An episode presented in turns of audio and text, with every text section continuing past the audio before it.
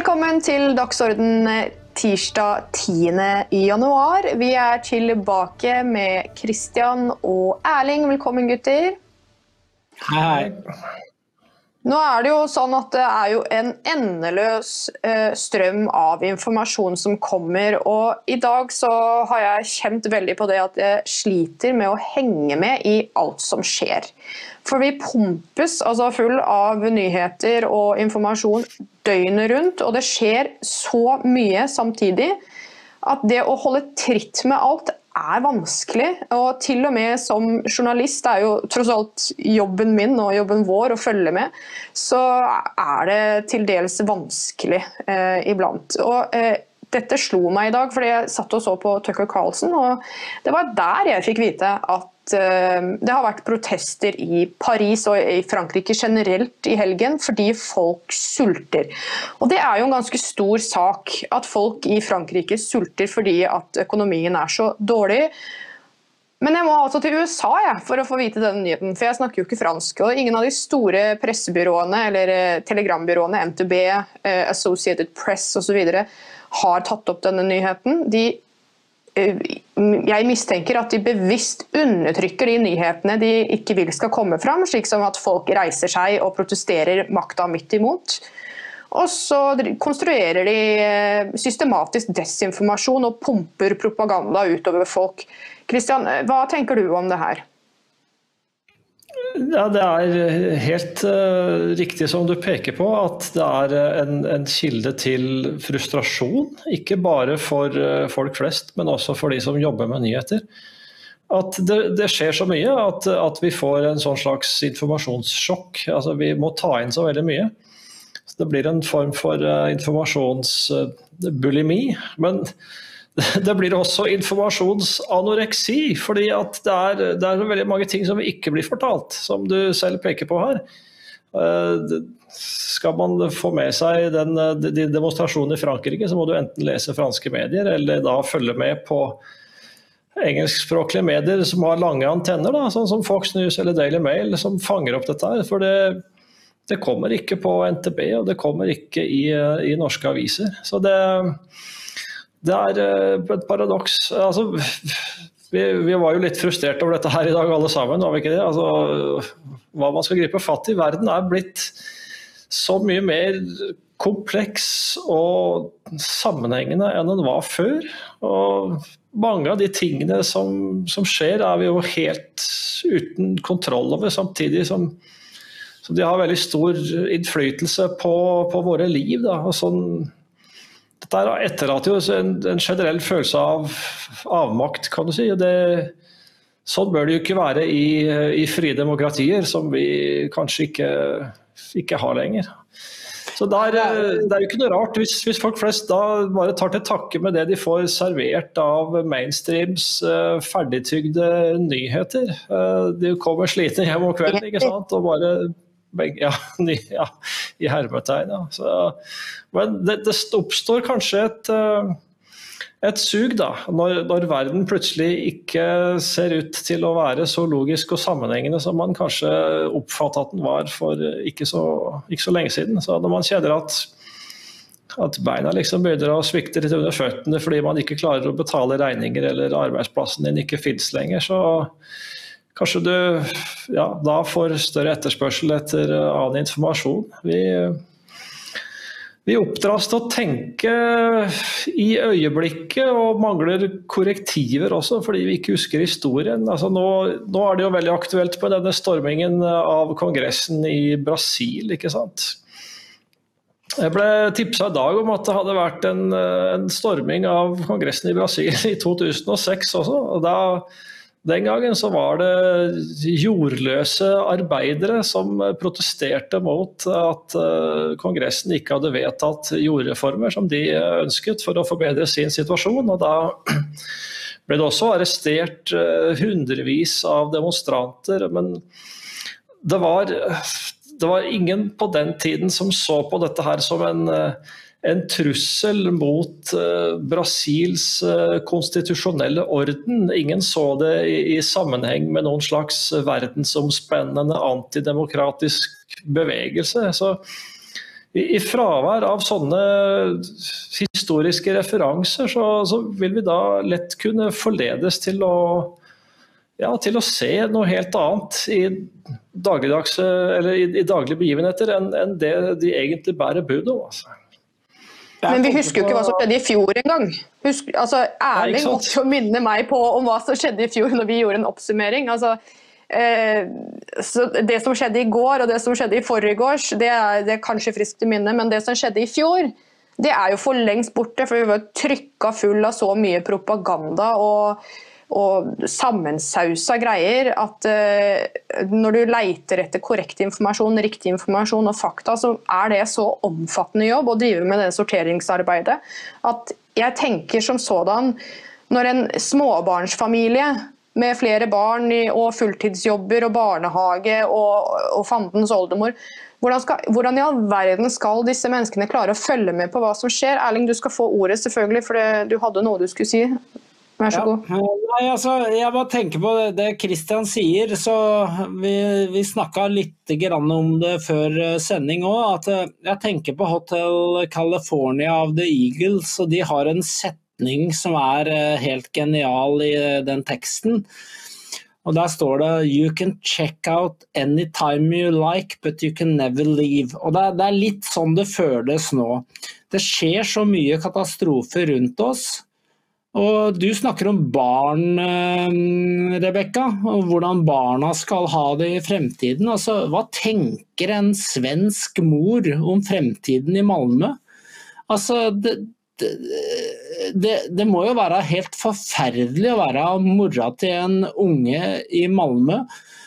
Eh, altså, Hvis du er svensk, da. Hvis du er eh, fra Somalia, så, jo, så dekker jo staten alt. Men sånne ting plager meg, og det gjør at eh, man graver seg litt inn i mørke tanker noen ganger. Men eh, fra mørket så er det bare lyset som er eh, retningen, og det, det, er trøsten, da.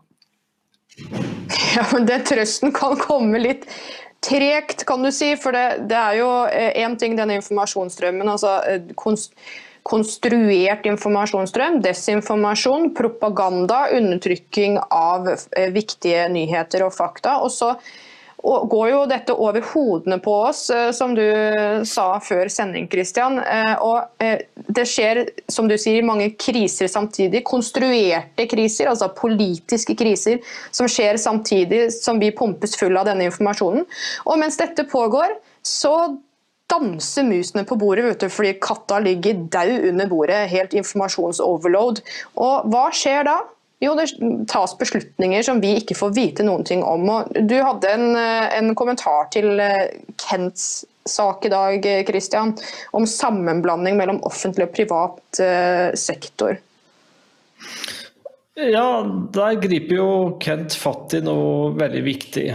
Fordi vi har jo vært vant til å tenke på eh, vestlige økonomier, eh, vår egen eh, inkludert, som en blandingsøkonomi der, der, staten gjør sitt og det private gjør sitt. At du har, du har, normalt fungerende kapitalisme, men staten spiller en stor rolle, fremfor alt utjevnende rolle. Men, det, det, som vi har fått nå, det er jo en form for korporativ eh, statskapitalisme, der staten blir en, eh, en, kjempestor aktør og på den måten setter eh, betingelser for det private næringslivet, som ikke har noe annet valg enn, enn å spille med på statens regler. Og da opphører på en måte de de økonomiske dynamikkene og lovmessighetene og som, som, vi har vært vant til å tenke på. Altså når du ser sjefene for de største selskapene, sjefen for NHO og næringsministeren og LO-sjefen og alle disse her som, som møtes i, i, fora som man eh, ikke har all verdens innsyn i. og der tas da store og viktige beslutninger for det som skjer i næringslivet i Norge. og Dette her får jo da ringvirkninger selvfølgelig for, for, for resten av det økonomisk sektor også. fordi når de største aktørene har blitt enige om sitt, så får jo det konsekvenser for nær sagt alle andre. Så det, dette her er jo noe som igjen kan skape en, en, følelse av avmakt. ikke sant? Alle de store beslutningene blir tatt over ditt eget hode uten at du egentlig vet hva som foregår.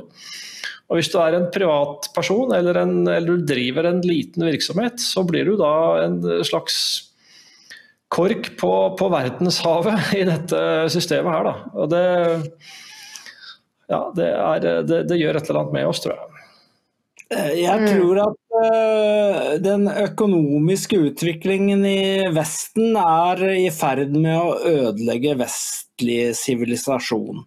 Og det er fordi at man skiller altså det gamle prinsippet om at uh, mennesker som skapte noe som andre hadde behov for, de ble verdsatt. Men nå er det jo ikke slik lenger, og det er det som er det det som eh, Kent skrev om i dag, det med OPS. Altså det er subsidier. Det er eh, jeg som betaler for ting jeg ikke egentlig støtter, som skattebetaler i Norge.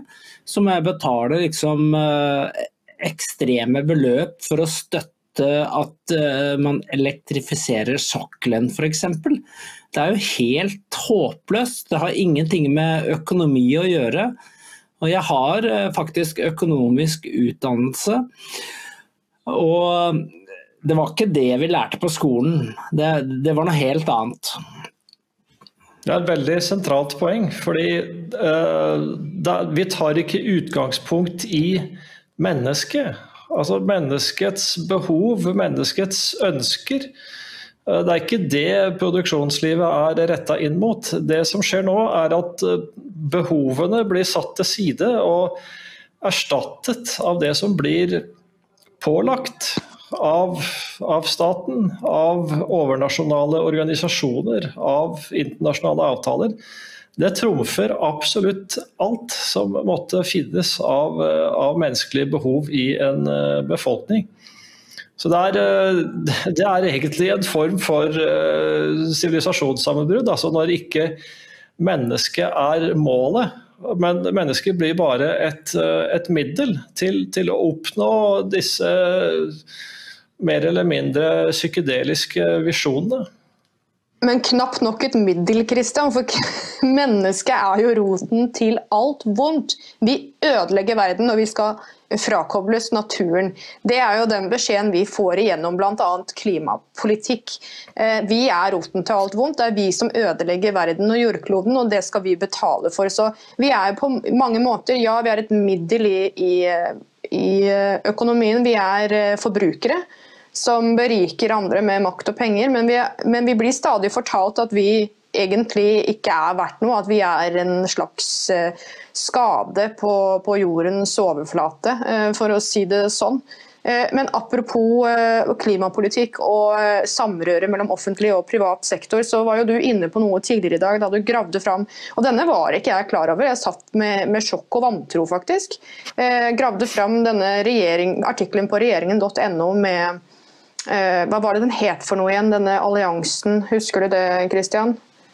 Um, ja, du tenker på First Movers Coalition? Yes, sir. First Movers Coalition. Ja, fordi, fordi det, det, som skjer med, med offentlig-privat samarbeid i Norge, det er jo bare en manifestasjon av et fenomen som nå skjer på, på global skala. Og Eh, jeg kom da til å, å tenke på et, et, møte som fant sted i eh, Davos i september i fjor. Og der var eh, USAs klimautsending John Kerry til stede. Det samme var Børge Brende fra World Economic Forum. Og så var det en del ledere for store europeiske virksomheter. Og det de snakket om, det var eh, også offentlig-privat samarbeid. Altså, bakteppet her er selvfølgelig at verden skal oppfylle Parisavtalen og skal såkalt avkarboniseres, og skal dermed prøve å utvikle utslippsfri teknologi. Så Da sier man at her må statene sette rammebetingelsene, sånn at vi skaper etterspørselen. Og så skal de private inviteres inn til å dekke den etterspørselen som staten da kunstig blåser opp. Og så skal dette her da skape en, en, dynamikk mellom de to partene som da på en måte river hele resten av, av, verden med seg. Og dette her kalte de da for first movers, altså de som tar de første store samordnede skrittene i retning av ja, en økonomi og en teknologi der man tror at man skal kunne oppfylle Parisavtalens mål. Og da viser det seg jo at denne her First Movers Coalition det er jo noe som skjer i et strategisk samarbeid mellom det amerikanske utenriksdepartementet og World Economic Forum, der Norge egentlig bare har eh, kasta seg på det toget. Og Når man da innser at det er sånne krefter i sving, så, så er det jo man kan spørre seg altså, hva er det egentlig eh, lille Norge kan, kan bestemme på egen hånd? Hvis våre egne politikere ikke gjør annet enn å outsource alle viktige beslutninger til, eh, til et sånt eh, forum, da, som, altså, mellom Biden-administrasjonen ved den klimafanatiske John Kerry og, og, World Economic Forum, med alle de sprøyte gale tusseladene som sitter der. Det blir jo helt håpløst hvis man, eh, hvis man eh, som norsk politiker eh, mener at World Economic Forum Hvem har stemt på dem? Hvem har egentlig stemt på Klaus Svab? ingen. Hvis de skal bestemme vi skal, hvordan vi skal styre vår framtid, så hva, hva i all verden skal vi med politikere da?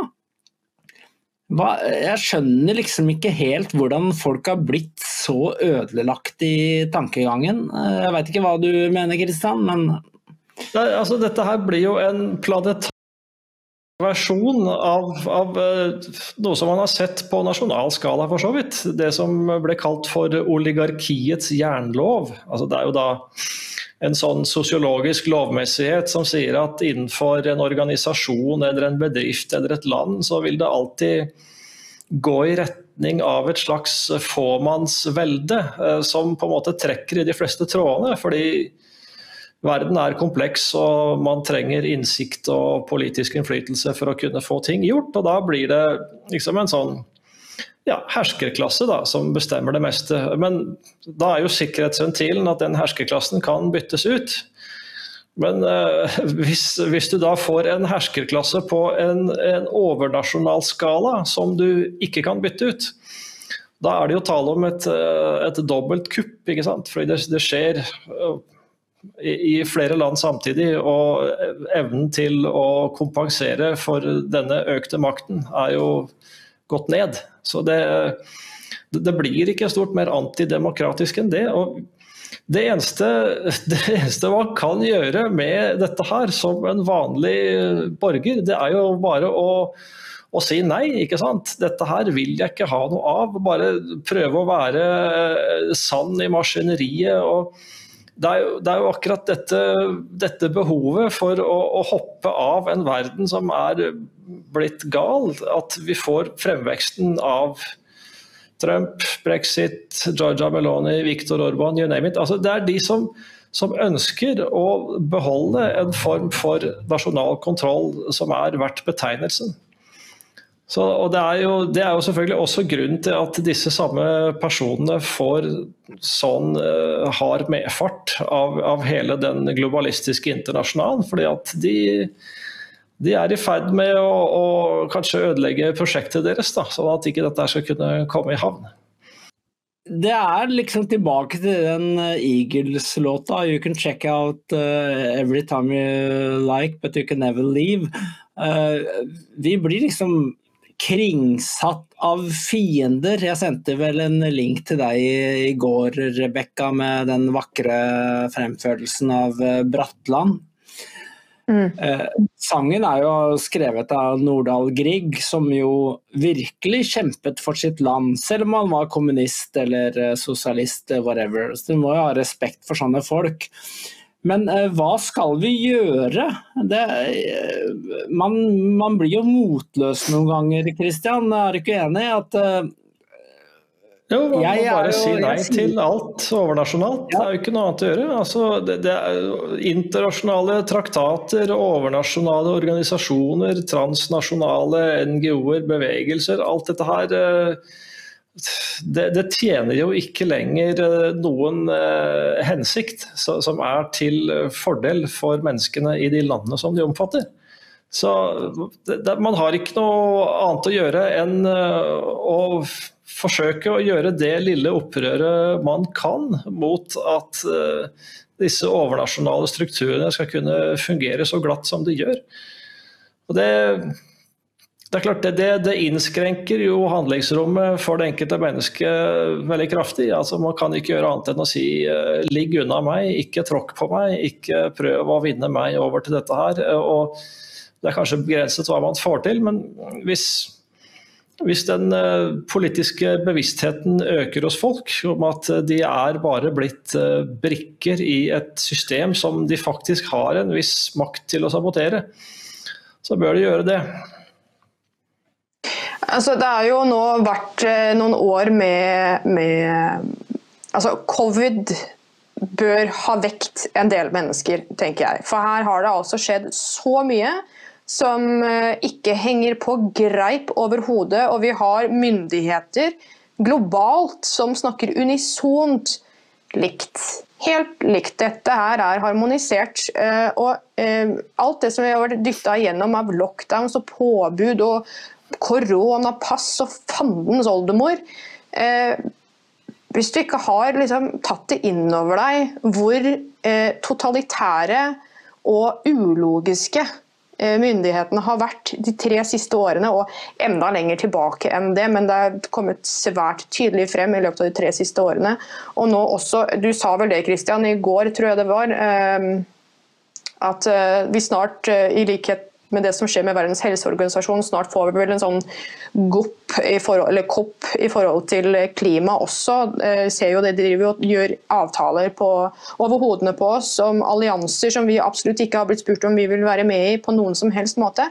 Eh, så eh, ja, man bør våkne opp. Og det du kan gjøre som som, som, borger, som verdensborger og som borger i det landet du tilhører i, det er jo faktisk å hjelpe og vekke de som sover. Noen er jo past saving, altså det vet vi jo. Masse psykose og prosenter. Det er vel, jeg husker ikke hvor mange prosent det er som er tapt. Men altså, du kan gjøre ditt for å vekke naboen din, familien din, vennene dine nå ut. Og du kan si nei. Og jo mer press du legger på dine politikere og din regjering og dine myndigheter, jo verre blir det for dem å gjøre sånne her avtaler. De må avsløres. Det er viktig at informasjonen uh, sorteres, at man får frem fakta, og får frem sannheten. og Det er jo derfor vi gjør den jobben vi gjør. Eh, og når jeg først er inne på det, så må jeg bare minne dere som hører på og dere som ser på, at vi er avhengige av dere for å fortsette det arbeidet vi gjør. Så vips gjerne det du kan til 63 89 41, eller bidra på den måten du kan. Eh, dersom du ikke har VIPS, så har vi kontonummer osv. Du kan også kjøpe bøker fra dokumentforlag.no ennå. Men ja, er, man, føler seg, man, føler avmakt, tilbake til det du sa i starten. Christian. Jeg føler en avmakt iblant, jeg også, for jeg blir så full av informasjon. Det er så mye informasjon. Jeg føler en avmakt på at vi ikke får ja, men Vi får ikke gjort noe med politikerne våre. De sitter der og tar avgjørelser på, over hodene våre. og ja, Hvem skal vi velge? Hvordan skal vi endre dette systemet? Jeg forstår at folk blir frustrerte. Jeg blir også frustrert. Rebekka, det som jeg sier til mine venner når de stiller det samme spørsmålet som du uh, tar tak i nå, det er at vi må leve våre liv. Vi må nyte sola på terrassen, vi må nyte Ja, jeg må provosere Eirin litt da, og si vi må nyte en Liverpool-kamp i ny og ne. Og vi må, eh, vi må, se verdien i det livet vi faktisk eh, opplever. Og det er, e, det er den eneste motstanden vi kan gjøre. Og så kan vi være kritiske til alt som skjer rundt oss, men eh, Men dette er forutsetningen for motstand, Erling. Altså, du, du har ikke energi til å gjøre motstand hvis du ikke har livsglede. Og skal du ha livsglede, så må du gjøre noen av de hyggelige tingene. Men altså, det å lære folk å, å tenke litt mer kritisk og, og, og sette spørsmålstegn ved ting de hører, det, altså, det er kanskje det mest verdifulle vi kan gjøre. Altså, hvis man Ja, ja. går til et stadium hvor det ikke lenger er noen som tror på all den bullshitten som de får servert av eh, Erna og Støre og kompani, så får du kanskje noe nærmere en situasjon som man hadde i Sovjetunionen mot slutten av dens eksistens. At, at regimet bare lirte av seg sine ferdigtygde seremonielle leksjoner, og så var det ikke en kjeft som trodde på det de sa. Så det er jo vi må jo bare lære da, av de som var uh, dissidenter bak uh, jernteppet den siste delen av den kalde krigen. De var tålmodige og utfordret jo ikke selvfølgelig verken militært eller med vold eller på altså de, de brukte humor, og de, uh, de hadde sine undergrunnsaviser. og de, de så det er jo ikke noe, ikke noe mangel på gode rollemodeller å gripe fatt i her, da. Nei, Vi skal jo selvfølgelig gjøre motstand, Kristian. og jeg mener, Det er jo det vi jobber med hver eneste dag. Så det er ikke det jeg sier. Men altså, innimellom så må vi ha noen pauser og bare nyte livet. Og tross alt, se deg rundt i verden. Det er mye vakkert som befinner seg her. Jeg syns vi har noe å lære av amerikanere når det gjelder å legge press på politikere. fordi nå har jo de riktignok et annet system enn oss, men de legger press på sine representanter fra sine lokale områder eh, for å ja, eh, få dem til å gjennomføre eller stemme imot beslutninger som de ikke vil ha. Eh, og det er jo klart det at eh, nordmenn, altså Min personlige mening nordmenn er veldig langmodige og litt trauste, rett og slett. Jeg beklager alle sammen. Det er sikkert mange som blir sint på meg når jeg sier det. men men se nå, se nå på situasjonen vår. da. Folk sliter med å betale regningene sine. Strømprisen er ikke endra i det hele tatt. Støre vandrer rundt omkring på eh, ja, Stortinget og reiser rundt omkring og baker pepperkaker og flasher Selbu-votter og sier eh, til eh, norske regimemedier at eh, han følger nøye med, at han skal gjøre alt i sin makt for å få ned strømprisen og han har en plan osv. Tatt rett ut av løse lufta uten noe som helst begrunnelse. eller sånn, altså han har ikke noe, Det er ikke noe vekt der. Og, og dette sitter folk og hører på og tenker ja ja, men nå var jo bensinen billig, for nå koster den jo bare 19 kroner. Altså er det rart man blir litt eh, frustrert iblant. Og jeg vet det er mange blant våre lyttere, seere og lesere som kjenner på denne avmakten. Og ja, da Jeg forstår den veldig godt, for fordi jeg kjenner på akkurat det samme. Eh, Og ja, livet Og derfor- er vakkert, og det kan være veldig vakkert, men hva gjør vi?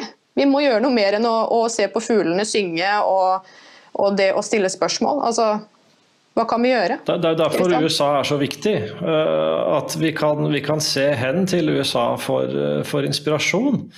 Eh, Der har vi jo, altså Amerikanerne har jo noen fordeler. For det første så er det veldig mange av dem. Og de, de lever i en stat som på en måte er altså mer desentralisert, mer føderalisert. Du, har, du kan ha store og kraftige strukturer, maktsentra, personligheter som som dukker opp eh, liksom utenfor, eh, utenfor Washington. ikke sant? Eh, Norge og de fleste europeiske land er jo ikke særlig folkerike. altså Vi har noen få folkerike stater, men de aller fleste er liksom sånn ja, ti millioner mennesker. Og da har du som regel en veldig stor kulturell dominans i, i hovedstedene.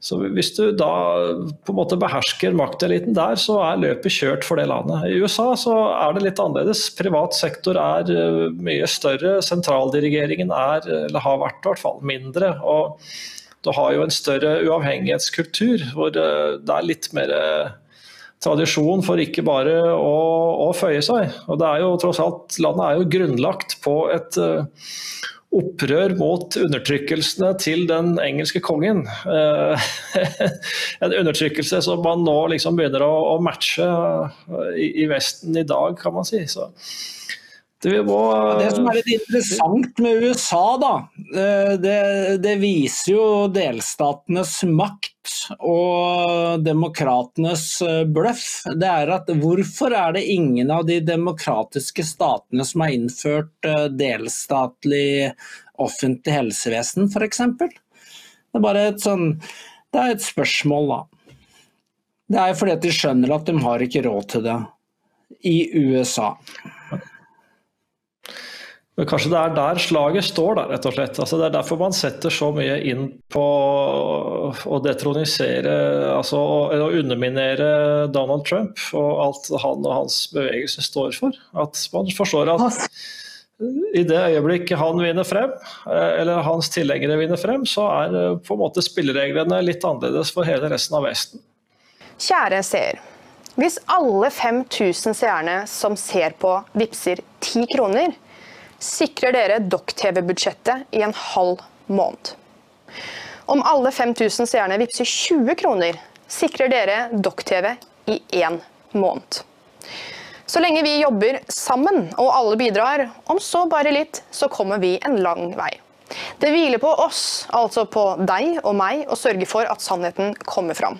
Og at Document bevarer sin rolle som det medier egentlig skal være, en vaktbikkje. Uten dere så klarer ikke vi det. Og uten oss så sitter dere igjen med medier som løper myndighetenes ærend. Vips til 638941. 638941. Fordi ditt bidrag gjør en enorm forskjell. Og da er det jo fantastisk deilig at Biden har blitt tatt i å gjøre akkurat det de beskyldte Trump for å gjøre, nemlig flytte klassifiserte dokumenter ut av arkivet og tatt dem med seg til en annen lokasjon. I dette tilfellet så er det vel, hvis jeg ikke husker helt feil nå, Stanford University, der hvor Kina har en fot innenfor. Så nå florerer det jo spørsmål i i USA om hva slags dokumenter dette er, og om Kina har fått se på disse dokumentene osv. Dette er jo klassisk eh, Jeg har lyst til å si venstreside, men det er jo ikke sånn vi deler opp verden lenger. Eh, dette er jo klassisk globalistisk eh, atferd. Man beskylder altså opposisjonen eller motparten sin for å gjøre noe, gjerne litt i forkant. Sånn at når de utfører det de eh, beskylder andre for, så, så kan de liksom ikke bli tatt i det sjøl, for da har de allerede vært ute med anklagene. Sånn som Hillary Clinton gjorde med valgfusk mot uh, Donald Trump, eh, og det her tok de jo uh, Altså, De har jo holdt på med dette her i lengre tid. Det er jo en liste over ting de beskylder andre for, som de gjør selv. Og dette med disse dokumentene er jo helt fantastisk. For Trump har jo eh, disse dokumentene som Trump ble beskyldt for å By the way, dette er da eh, Biden var visepresident. Han var ikke president, så han hadde ikke rett til å deklassifisere disse dokumentene, i motsetning til Trump, som var president og hadde rett til å deklassifisere dokumentene. Så har ikke, det har vært stille om disse Trump-dokumentene en stund, Christian. Men uh, nå blir det kanskje boller her. Hva, hva tenker du når du hører det her?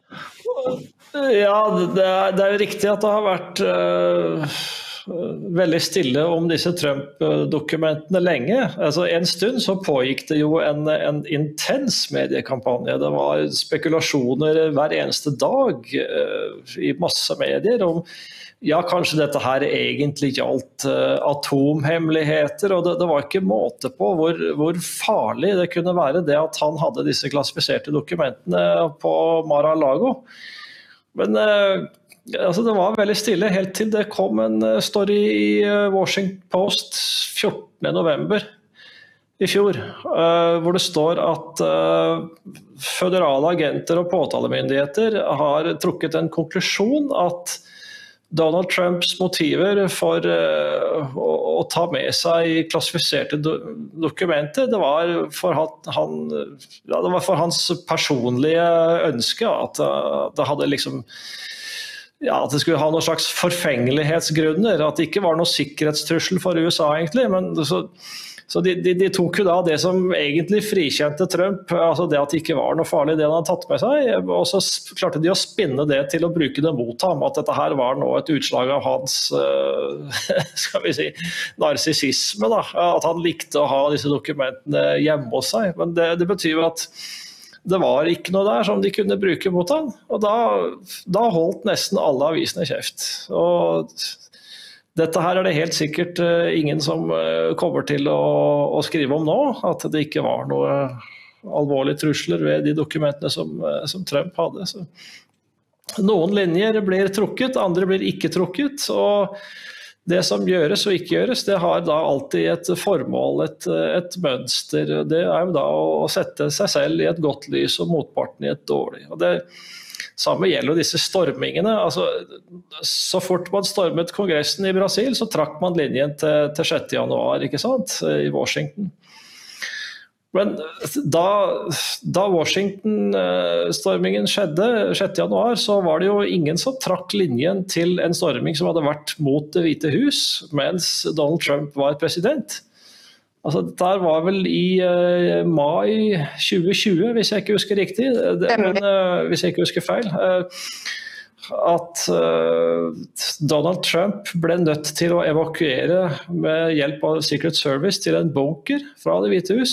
Og da var det ingen som snakket om at det var et angrep på demokratiet. Det var, det var vel Antifa som forsøkte å, å, storme Det hvite hus. Det var masse sikkerhetsfolk opprørsutrustning som måtte stoppe dem. Det ble satt fyr på ting. Det er glemt. ikke sant? Ingen, ingen mener at det var like alvorlig som det som skjedde ved Kongressen 6.1. Eh, så jeg er sikker på at Hvis du stopper 100 folk på gata i Norge og spør om de kjenner til eh, stormingen av Det hvite hus i 2020, så jeg vet ikke, er det to eller tre som vil huske det? Nei, ja, eh, nettopp. Eller... Her går man jo rett inn på det som vi har snakka om flere anledninger. For at det er jo kun hvis det er sosialdemokrati, ikke sant Kristian? Og Det har vi sett i Sverige og i USA og alt mulig sånn. Og hvis du er høyre det, Hvilke uttrykk bruker de? Høyreorientert, høyreradikal, alt mulig sånne ting. Da er du ikke demokrat.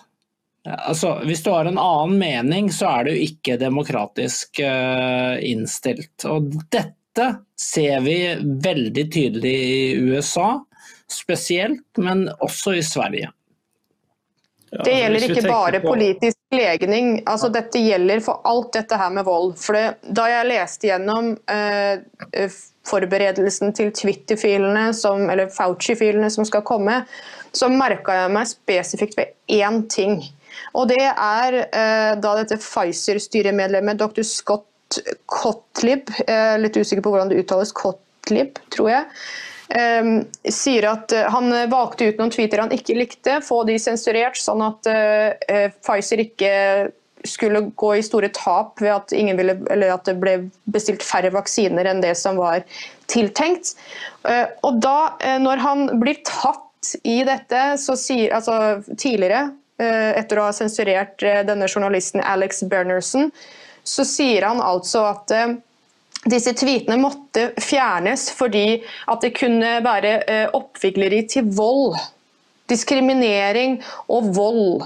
Da altså eh, mot eh, de som fremmer vaksinen. Dette her er en hersketeknikk. Og vi, vi ser det, det på så som... mange eksempler. Ja, for, for, for, noens vedkommende så er det kanskje bare nok at de eh, eksisterer altså for å utgjøre en voldstrussel. Det, det, det, er så, det, er så, harde doble standarder at du, du, kan vri og vrenge på alt, sånn at eh, noe som egentlig er voldelig, blir uskyldig. Altså, da Antifa ja. drev med sin vold, så ble det tonet ned. ikke sant? Nei, people will do what they do, var det ikke det hun sa? Nancy Pelosi. Just men det som, igjen, sa. ja, men altså, igjen så er det denne her beskyldningen mot eh, motparten, mot opposisjonen. Man beskylder altså sin opposisjon mot, eller, eller høyresiden om du vil, for å være voldelig når det er venstresiden som er voldelig. Man beskylder altså, Når man blir tatt i sensur og i å være antidemokratisk, så beskylder man opposisjonen for å være antidemokratisk. Dette her er en gjenganger, og det går i alle felt. Om det er snakk om vaksiner, covid, BLM, eh, ja, hva enn det skulle være, så er det sånn. Og Det inkluderer også stormingen av Kongressen 6.1 og hva var det du sa, mars i 2020, eller ja, Mai, mai da 2020. Trump Mai 2020. Altså, dette er en gjenganger, og det skjer gang på gang på gang. Og folk kjøper det, og jeg fatter og begriper ikke hvordan det er mulig. Nei, altså vi må jo bli antistatlige alle sammen. eh, Selv om det kanskje truer med besøk av uh, eh, PST. Jeg har jo invitert Hei, dem igjen. De Få sette over kaffen, da, vet du. Så, ja. Men uh, det er bare å servere kaffe, ja, Christian. Det er akkurat det. Men ikke sant. Uh, det- vi, vi, vi kan ikke la oss eh, underkaste oss den mentale krigen vi blir utsatt for. Vi må rett og slett leve våre liv. Og for min del så er det enkelt.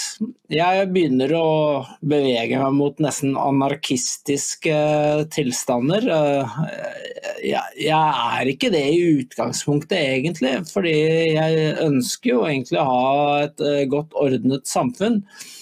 Men eh, når de som styrer statene vi lever i, bare fucker opp, så er det liksom ingenting igjen. Det, Altså, det som er vanskelig, er kanskje å gjøre gode miner til, til slett spill. Altså, man, man ønsker jo ikke å ødelegge samfunnsharmonien ved å, å, å be folk om å ryke og reise, men det, er, det, kan, det kan ofte være veldig vanskelig å la være. Da. Så hvis man, hvis man i stedet for å, å, å si sin hjertens mening forsøker å bare holde en sånn slags offentlig fasade, så, så blir jo livet i samfunnet litt å, å sammenligne med det som eh, du hadde i ekteskapet mellom eh, Nora og Helmer du, i et dukkehjem hvor de liksom bare levde en sånn der fullstendig falsk tilværelse. ikke sant? Ja, plutselig en dag så får jo Nora bare nok og går sin vei. ikke sant? Så det er, vi er litt sånn Nora alle sammen. Ja, Jeg kjenner det, men- men- Hallo, vi er Norge, Men- vi har Ibsen. Og vi er Munch. Men altså, gutter, nå er det sånn at man har eh, Mange kjenner på avmakt. Det er eh, til stadig, vi er til stadighet under angrep på hersketeknikker og eh, ja, ikke minst eh, femte generasjons krigføring. Dette går jo som sagt på på meninger, altså på, på hodet og hjertet. Det er jo der man fører denne krigen. Det er en informasjonskrig der ute. Og da har jeg lyst til å trekke tråden til Canada. fordi du sa du kunne, eh, Vi kunne la oss inspirere av USA, for de er driftige, frihetselskende mennesker. I hvert fall veldig mange av dem. I hvert fall halvparten. Eh, Men Canada kan vi la oss uinspirere av. fordi der er det jo sånn at Hvis du føler avmakt og syns at livet er litt vanskelig, så kan du jo bare gå og dø. Og det får du da altså hjelp til av myndighetene. Du skrev en sak om dette i dag, Erling. med Enlighten us. Jeg veit ikke, men altså, jeg syns jo mennesker har en verdi i seg selv. Det lærte jo Jesus oss, og jeg er ikke kristen engang, men jeg setter pris på den eh, lærdommen. Men i Canada så er jo assistert selvmord eh, i sterk vekst. Og eh, det er liksom over 10 000 mennesker som blir drept av staten hvert år. Altså, jeg skrev en sak hvor det var to leger som skrøt av at de hadde drept 700 mennesker. Altså, de kunne jo vært i holocaust. Det er liksom jeg veit ikke. For meg så er dette her undergangssymboler. Og jeg kan rett og slett ikke forstå hvordan eh, dette her støttes. Men eh, det er jo Canada, da. Ja, det er ikke bare Canada, det er jo Belgia. Belgia har vel også assistert selvmord. Det er vel Sveits. Altså, dette her er vel eh, utbredt i flere land etter hvert, er det ikke det? Det, det blir Ja, Jo, det stemmer. eh. I, I Belgia så var det jo en helt grotesk sak som eh, Douglas Murray omtaler i den boken vi har gitt ut, om en kar som først får assistanse til å skifte kjønn, og så finner han ut at det var en dårlig idé. Så må han skifte kjønn tilbake igjen. Det var heller ikke så vellykket. Og så får han eh, assistert eh, selvmord. Jeg tror det var i Belgia. Eh, det står i Douglas Murrays bok som vi har gitt ut, 'Massenes vanvidd'. Jeg, jeg har da har jo mange mennesker tjent penger på denne stakkaren, da, ikke sant? Altså mm, Først ja. kirurgene og andre helsepersonell som da har deltatt ved kjønnsskifte, og så er det da byråkratiet som har behandlet vedkommendes ønske om å dø, og de som da iverksetter døden. Så det her er jo Vedkommende er borte, men det er jo da vært en, en pengemaskin av en annen verden, da. Ja, altså he Hele transgreiene er jo en gigantisk økonomimaskin. Fordi at eh, det som er litt morsomt, det er at disse transene de har jo kjempa lenge for å bli erklært som eh, at de er friske.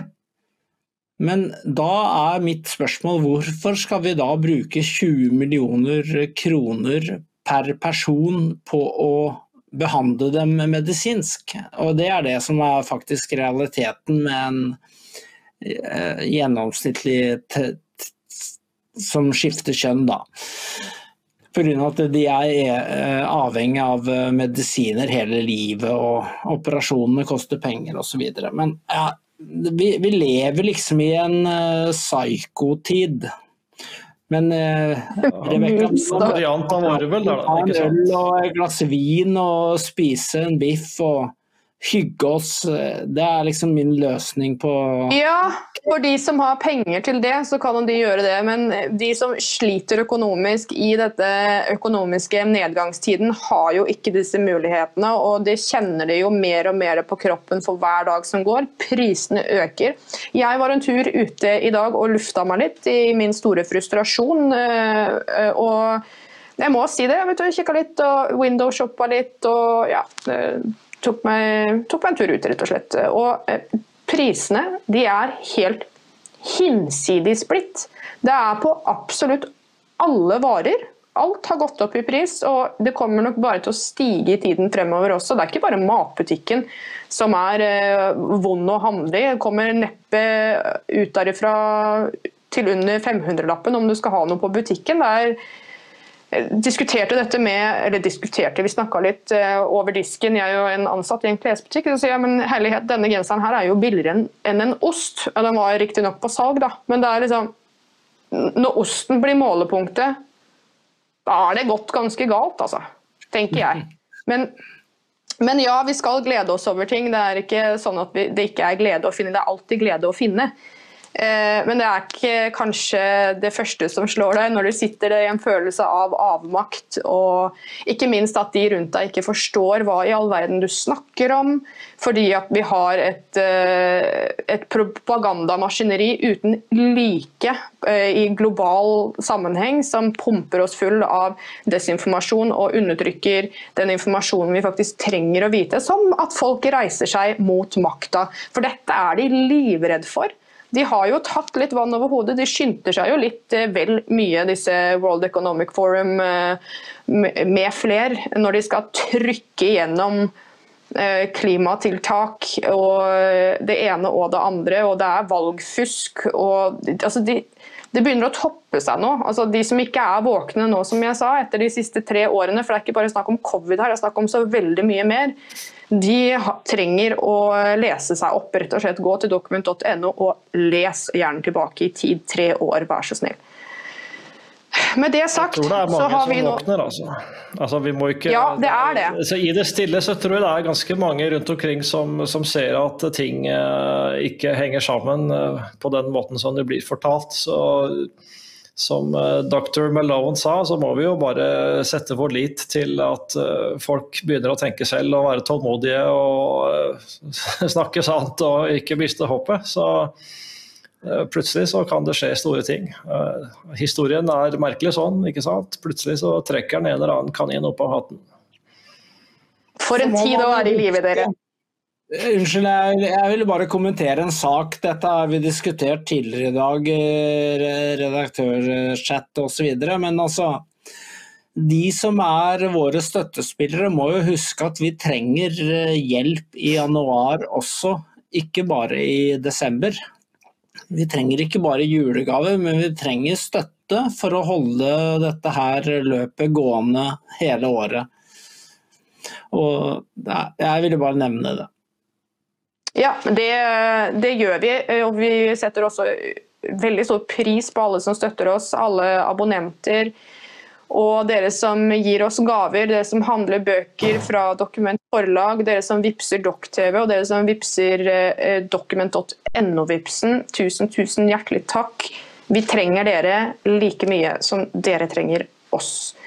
Eh, I fare for å være litt dyster, så skal jeg allikevel runde av nå, gutter. For nå har vi holdt på en eh, god stund her. Det er jo mye å prate om. Eh, ville bare si det siden du nevnte Dr. Malone, Christian, at vi nå har tekstet ferdig intervjuet fra Wien. Så det kommer med norsk tekst om, om kort tid. Og så har vi da altså dette nye intervjuet som eh, Christian og jeg gjorde med, med Malone også, som nå skal tekstes. Så det kommer også forhåpentligvis om relativt kort tid. Um, så det ligger flere ting her uh, som kommer, uh, og vi fortsetter selvfølgelig å jobbe på.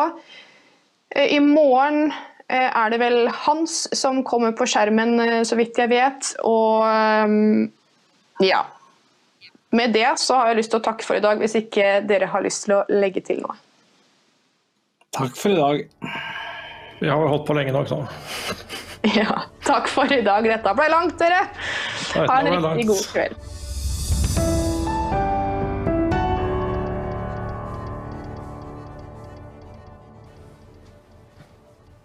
Neimen, hei! Har du også antistatlige holdninger? Ja, da har du kommet til rett sted. Da er Dokk-TV noe for deg. Men for at vi skal kunne lage Dokk-TV, så er vi avhengig av din støtte. Vips et bidrag til 63 89 41. Takk. Husk å vips, ellers så kommer klimatrådet og tar deg! Og jorden går under. Dette blei langt.